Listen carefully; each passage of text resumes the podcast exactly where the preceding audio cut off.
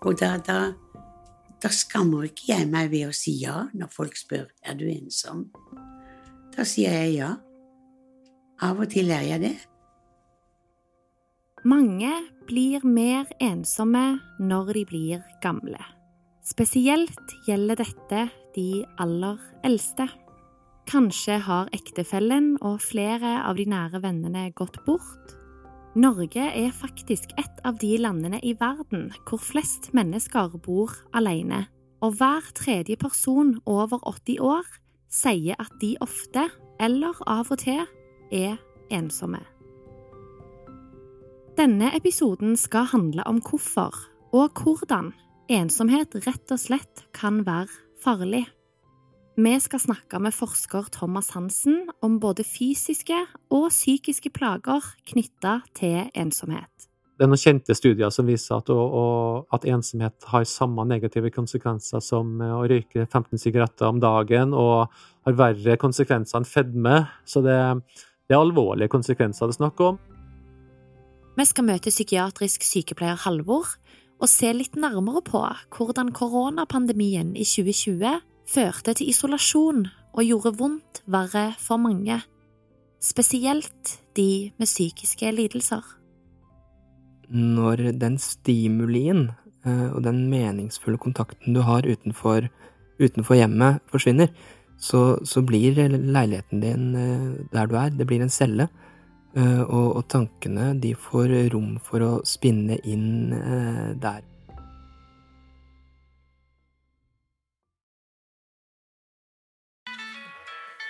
Kan jeg bare ta den? Å. Oh. Hallo? Hallo? Så kan hun ringe ja, seks-syv ganger per dag, og da ser jeg som en oppgave å veksle noen ord, avtale ny tid for samtale. Men er dette en venn av deg, eller hvem? Ja, det er en bekjent som jeg har hatt kontakt med i ganske mange år ifra hun var eh, fullstendig frisk og i aktivitet, og til at hun dessverre brakk et ben og nå er på sykehjem. Klara Li er 86 år og bor alene i en leilighet i Oslo. En venninne som ikke har så mange andre, har plutselig blitt enda mer isolert etter et beinbrudd. Hun er ikke bare ensom, men hun har faktisk ingen familie. Hun har en støtteperson, det vet jeg, men ellers er hun helt alene uten slekt og familie. Klara har tidligere vært veldig aktiv, både i lokalpolitikken og i jobben som sykepleier og familieterapeut. Hun er en klartenkende og ressurssterk eldre dame, og har en tilsynelatende egen evne til å fokusere på de gode tingene i livet, ikke bare det negative. Men til tross for dette kan òg hun noen ganger føle seg alene. Å oh, ja, ja, nå vet du jeg har bodd alene hele livet, eh, mesteparten da, bortsett fra de i familien eller nieser og nevøer som har bodd her for en kortere tid. Så jeg vil nok si det, men det som har hjulpet, har vært den kontaktflaten som jeg har hatt utad, det å kunne gå på besøk til andre. Men kontaktnettverket blir mer sårbart når man blir eldre. Det merker Klara nå. Når jeg får melding eller kjennskap ut fra avisene, dødsannonser, og ser at noen av de du kjente og hadde kontakt med, er borte, da føler du deg fattig. Du gjør det, og du kan ikke unngå annet enn du stiller spørsmålet Kan noe sånt hende til meg? Og på en måte igjen forberede deg på at livet tar slutt. Og men du vet ikke når.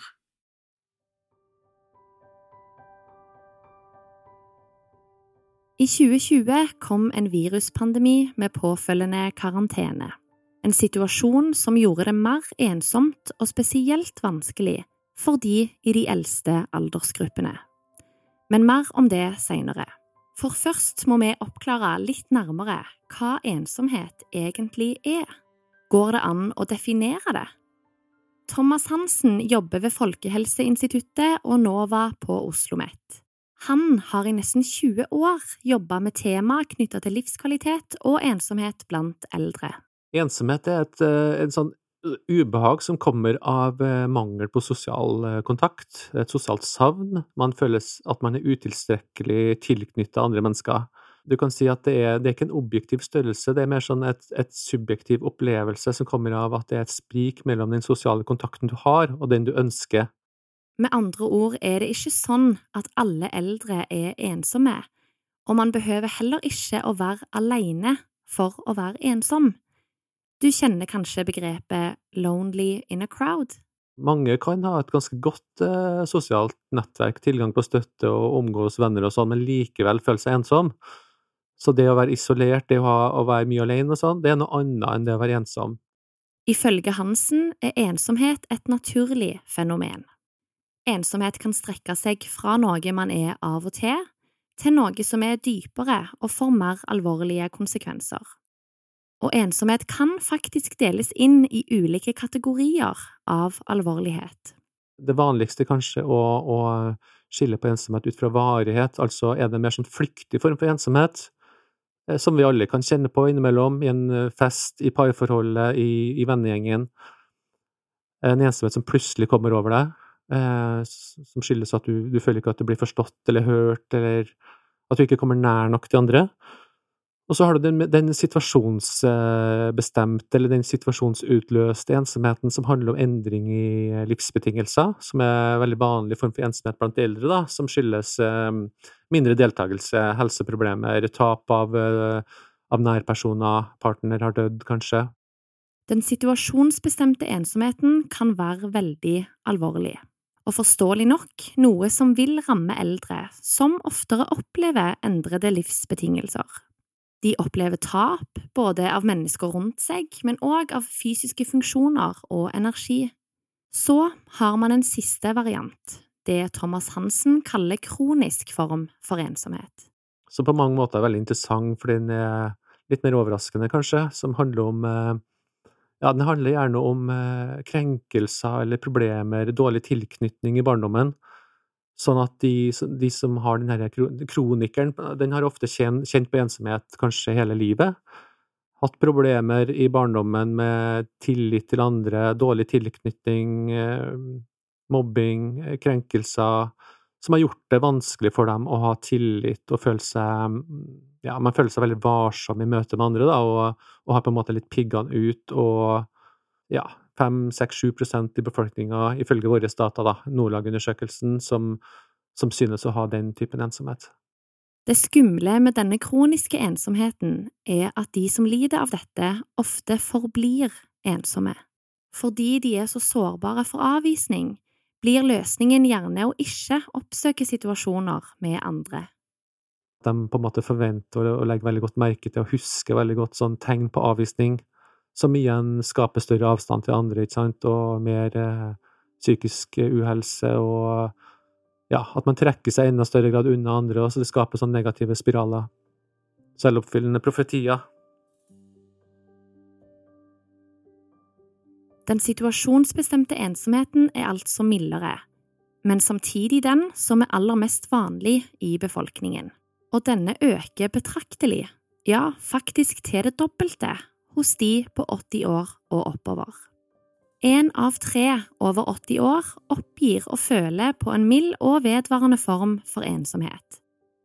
På en måte er det en myte at ensomheten øker så veldig i eldre år, men, men i veldig høy alder så, så øker de andelene veldig klart. Eh, ikke bare på ensomhet, men også på lav livskvalitet, depressive symptomer, en del andre indikatorer på livskvalitet. Og eh, ja, du kan si at ensomheten er nesten dobbelt så høy faktisk blant de over 80 år, i særlig høy alder, da, som de som er i midtlivet og, og yngre eldre år.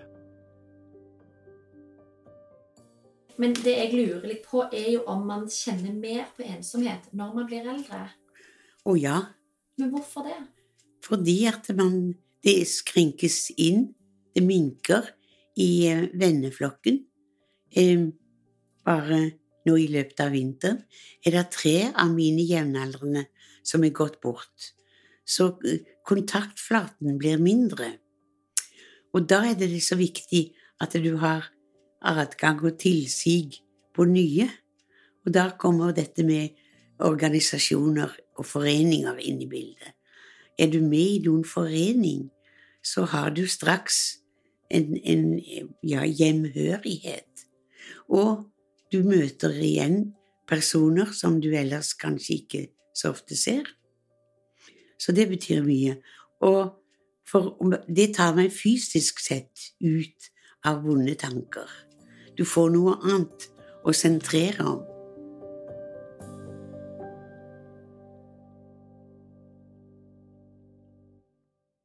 Ensomhet er som nevnt en subjektiv følelse.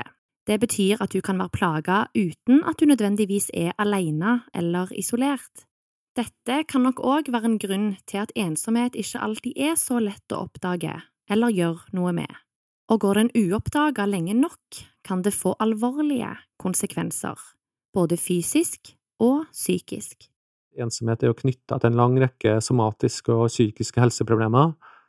Um, og selvsagt så er det jo ikke sånn at hvis du er ensom i helg, så, så får du problemer med helsa. Men uh, den kroniske og mer alvorlige formen for ensomhet er den som er mest uh, som har størst uh, negative helsekonsekvenser. Um, ja, den, det, særlig den typen for ensomhet, da, den er knytta til fysiske symptomer som dårligere immunforsvar, sykdom, hjerte- og karsykdommer, lavere levealder til syvende og sist, um, men også, også, en rekke psykiske helseproblemer, og også selvmord. Vi er sosiale dyr, og vi trenger å føle tilhørighet og å oppleve anerkjennelse. Vi er nemlig skrudd sammen sånn at når vi ikke får dette, reagerer kroppen med psykiske stressreaksjoner, som igjen kan gjøre kroppen mer sliten og utsatt for sykdommer. Disse mekanismene sammen med det at eldre ensomme gjerne spiser, sover dårligere og er mindre aktive, kan, ifølge forskning, forkorte livet.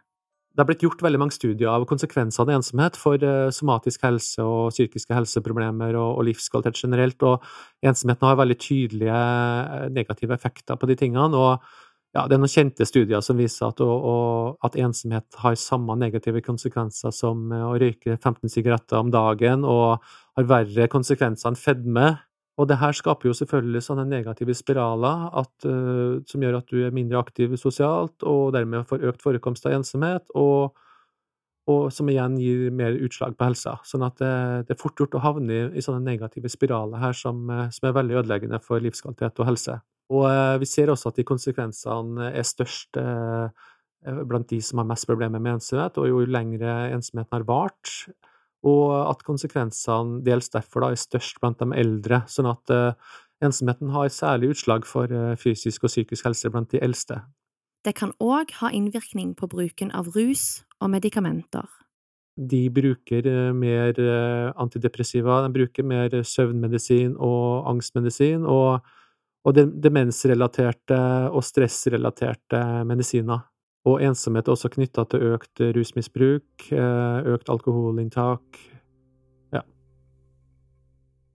Ensomhet er altså et reelt helseproblem som er viktig å ta på alvor. Men det er lettere sagt enn gjort.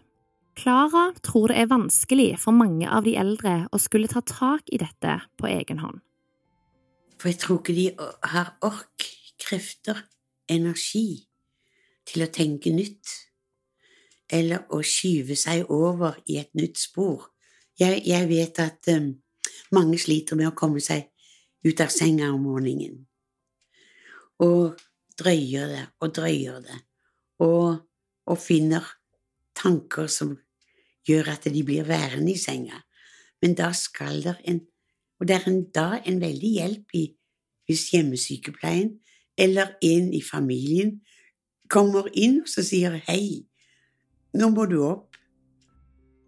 Fordelen med denne såkalte situasjonsbestemte ensomheten, den som er mildere, men som varer over tid, er ifølge Hansen at det er potensialet for å få til en endring med litt tilrettelegging det er viktig å bevisstgjøre de eh, personene om de sosiale møteplassene og de mulighetene som faktisk finnes, hvor de kan gå hen for å treffe folk, for å delta f.eks. i frivillig arbeid, Og eh, noen vil trenge hjelpemidler og tilrettelegging for å kunne delta, alt fra skyss til eh, ja, sånn type ting.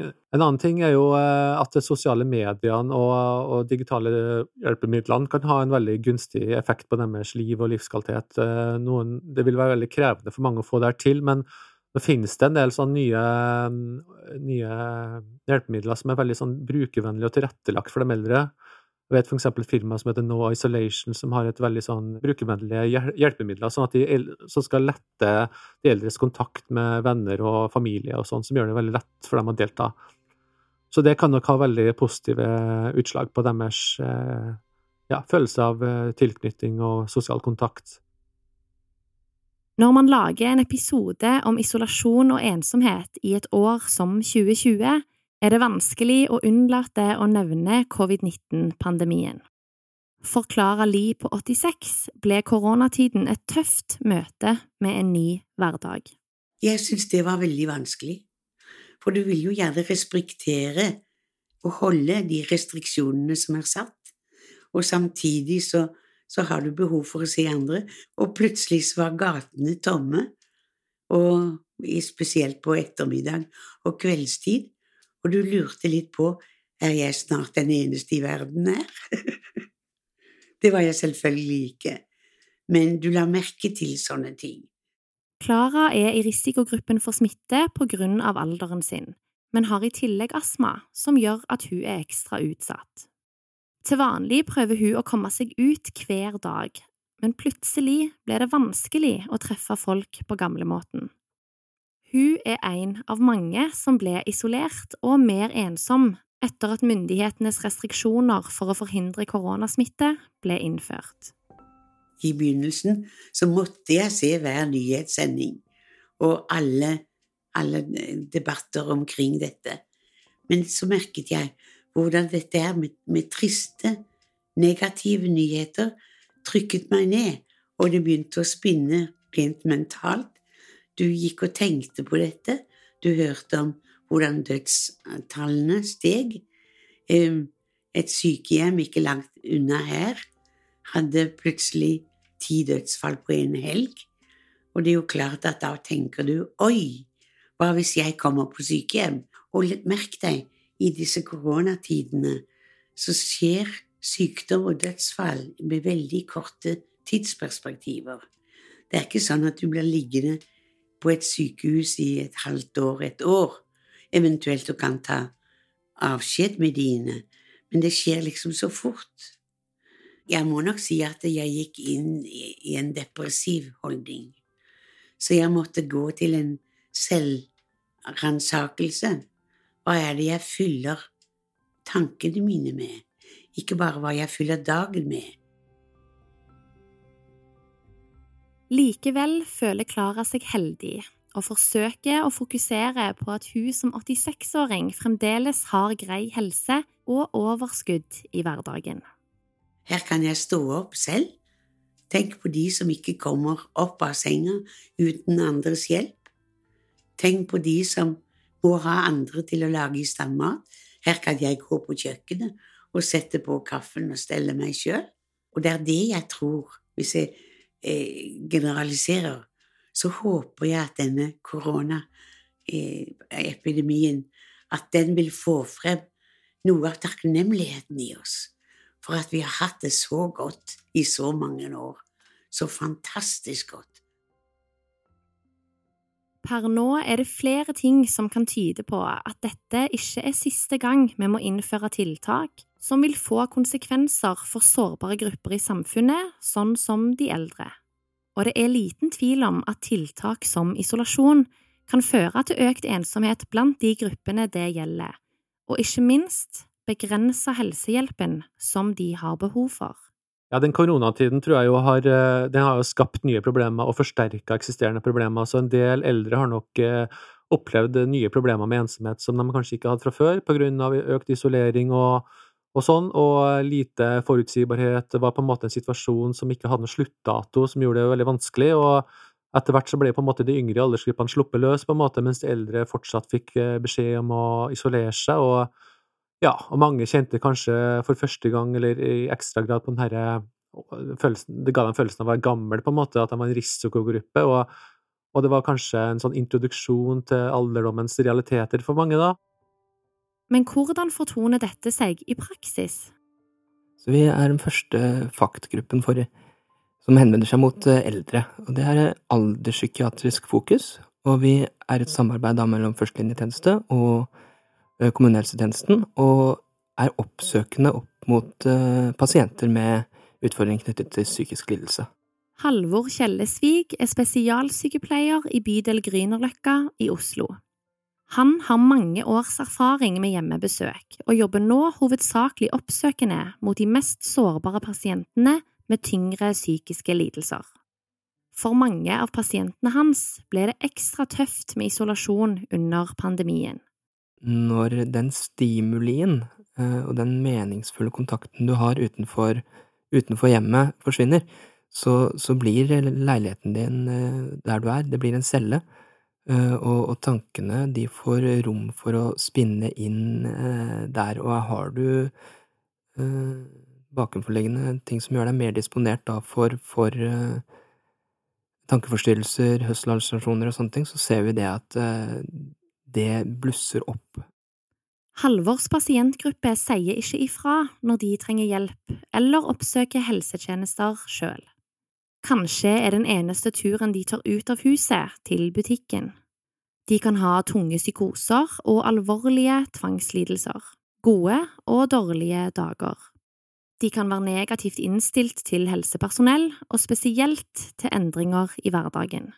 Isolasjonen som fulgte med koronaviruset, viste virkelig hvor vanskelig livssituasjonen kan bli for de som er mer utsatt, som mer enn andre avhenger av trygge, forutsigbare rammer i hverdagen for å fungere.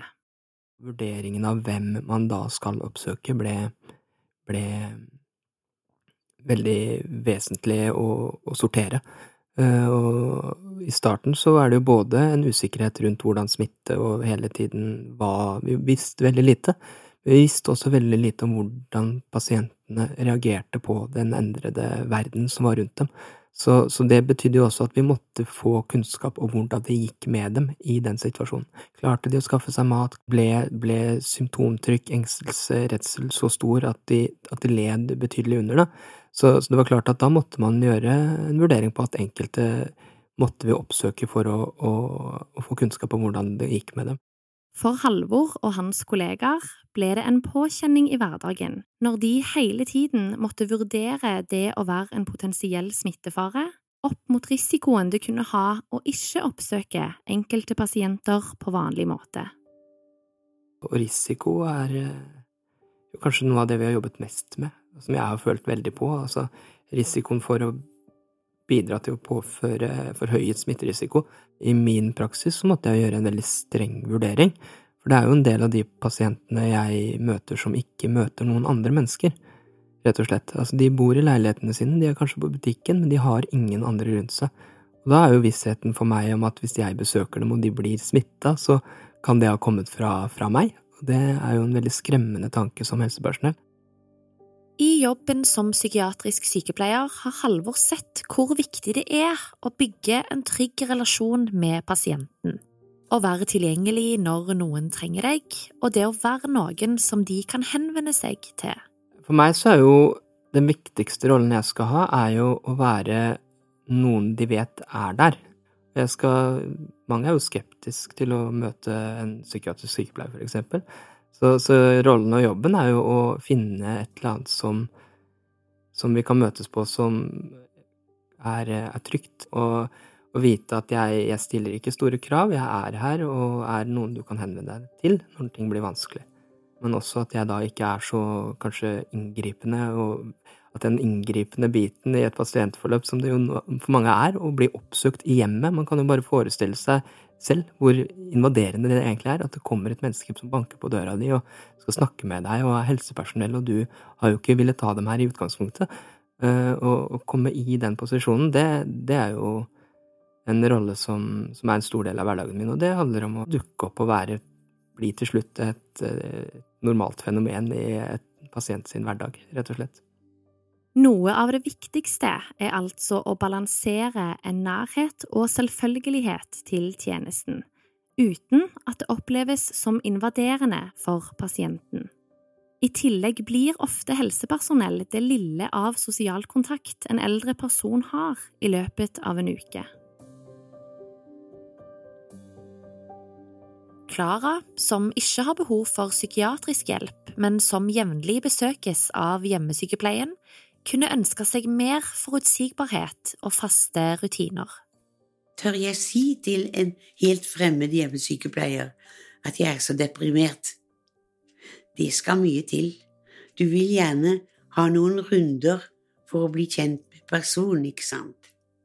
Og nå har jeg i løpet av veldig kort tid hatt 14 forskjellige hjemmesykepleiere.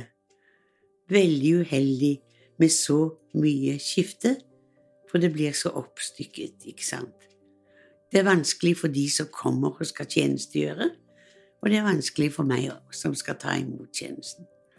Og der kommer enkle detaljer inn, som for eksempel det at man, når du kommer til en fremmed dør, at du ringer på, ikke bare setter nøkkelen i og låser deg inn. Jeg opplevde det her forleden dag, og for opp i vill fart fordi jeg hørte navnet mitt bli ropt. Tror er det jeg føler at man kunne sagt, hvis du kjente sånn ah, i dag kjenner jeg meg ensom, er det noe man kunne sagt til en sånn type tjeneste? Formelt sett og teoretisk sett så kan du si ja, men emosjonelt så går ikke det. For det emosjonelle bygger bro. Du føler hva er mulig å si. Du føler vil dette bli akseptert? Ensomhet er et vanskelig tema, og ifølge Klara noe det ikke snakkes mye om de eldre seg imellom. Nei, Nei. det er ikke det. Hvorfor ikke, tror du? For jeg tror at en skammer seg eh, innerst inne. Jeg jeg syns i hvert fall at det er den responsen jeg får på seniorsenteret. Det er noen som skynder seg å komme og sitte ved siden av deg ved bordet i den tiden som vi kunne spise ved bordet. Men du ser også de som trekker seg unna, og på en måte signaliserer avstand. Men det er jo en helt naturlig ting, og da, da da skammer ikke jeg meg ved å si ja når folk spør er du ensom. Da sier jeg ja. Av og til er jeg det, men der da når jeg merker at de dagene som de negative tankene får eh, ta over, hvor du sentrerer om det, eller plutselig å, jeg fikk et herlig babybilde i går på mail av en baby som hadde sitt første sjøbad. Kan du tenke deg så skjønn? Og så sitter du og fryder deg over det, og så tenker du tilbake igjen på hva har jeg opplevd i denne sammenheng? Og da kan du ikke annet enn takke, fordi du har fått oppleve så mye fint. Men nå er det et savn. Oi, oi, oi, hvor gjerne jeg skulle hatt et sjøbad. Og tenker på den nye badedrakten jeg kjøpte i fjor, men det må jeg bare akseptere at det må jeg legge vekk. Og det samme med når jeg ikke har den matlysten jeg hadde før, og kanskje enda mer ikke de kreftene jeg hadde før. Nå må jeg tvinge meg, jeg må tvinge meg til for eksempel å vaske ut, ta over gulvene med langkosten, og vet at dette gjør jeg ikke så perfekt som jeg burde men du, du reduserer kravene til deg sjøl og til tjenesten, og kanskje spesielt til deg sjøl når du ligger om natta og ikke får sove. Så ligger du der og tenker ja, nå ødelegger jeg denne natta, og jeg som hadde tenkt det og det for dagen derpå. Men du kan også snu det og tenke som så, nå kan jeg ligge her og, og mimre og gjenkalle hyggelige minner og takke for jeg får ha det så godt. Hvis jeg ikke har smerter. Sykepleier Halvor ser òg mange ulike opplevelser de eldre han møter har av å være ensom. Jeg tror uh, at ensomhet, det kan jo være en grunn til en del symptomer. Men det, det fremstår jo ikke for oss som, som helsepersonell helt tydelig. Og, og, og, ensomhet er jo tabubelagt. Ensomhet er kanskje noe som også er vanskelig å, å kjenne på rent sånn for mange, at, hva det innebærer, fordi de har kanskje ikke levd et annet type liv. Noen klarer seg uten og har ikke sett en annen verden uh, enn et ensomt liv. Uh, andre har veldig mye tapsfølelse. Det er jo ikke både det å være ensom i seg selv, men det, det at livet ble annerledes, kan jo også være en utfordring. Thomas Hansen ønsker å minne oss på at det å bli eldre vil for de fleste oppleves tøft, og at dette er noe vi alle må ha med oss når vi forholder oss til de eldste i samfunnet. Eldre år er krevende. Den siste livsfasen er en veldig krevende livsfase. Det viser studier at livskvaliteten er, går veldig ned, og man har problemer med både det ene og andre. Alt fra ensomhet til psykiske problemer og, og sånn. og det er begrensa på en måte hva det offentlige og andre kan gjøre i livets siste fase. Det vil være krevende, og det er viktig å ha det med seg at, eh, at, eh, at, det, blir, at det, er tøft for de siste, den siste livsfasen. Men for å mestre denne siste livsfasen fins det verktøy som kan gjøre hverdagen og kontakten med andre lettere. For Klara er smarttelefon og Skype hjelpemidler som gir henne stor glede å beherske. Oh, den bruker jeg til tider nesten hver dag. Jeg har nemlig en god del familie. Eh, jeg er vestlending, og det var mange i familien som emigrerte til USA, så det er fortsatt familie derover.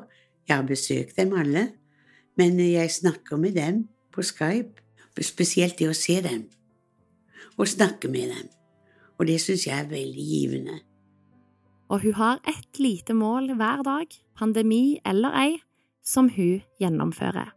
Og jeg, har funnet en rytme, men, men, det er meg, da. Det er noe som heter vekkerklokke. Så jeg setter på vekkerklokka, jeg. At jeg skal opp halv ni. Uansett.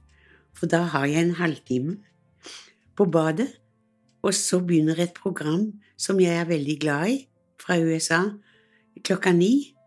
Og da slår jeg på det, og få det på Skype, og, og høre det programmet. Altså har jeg et mål med å komme meg opp om morgenen. Et mål kortsiktig og latterlig på en måte, men det hjelper meg.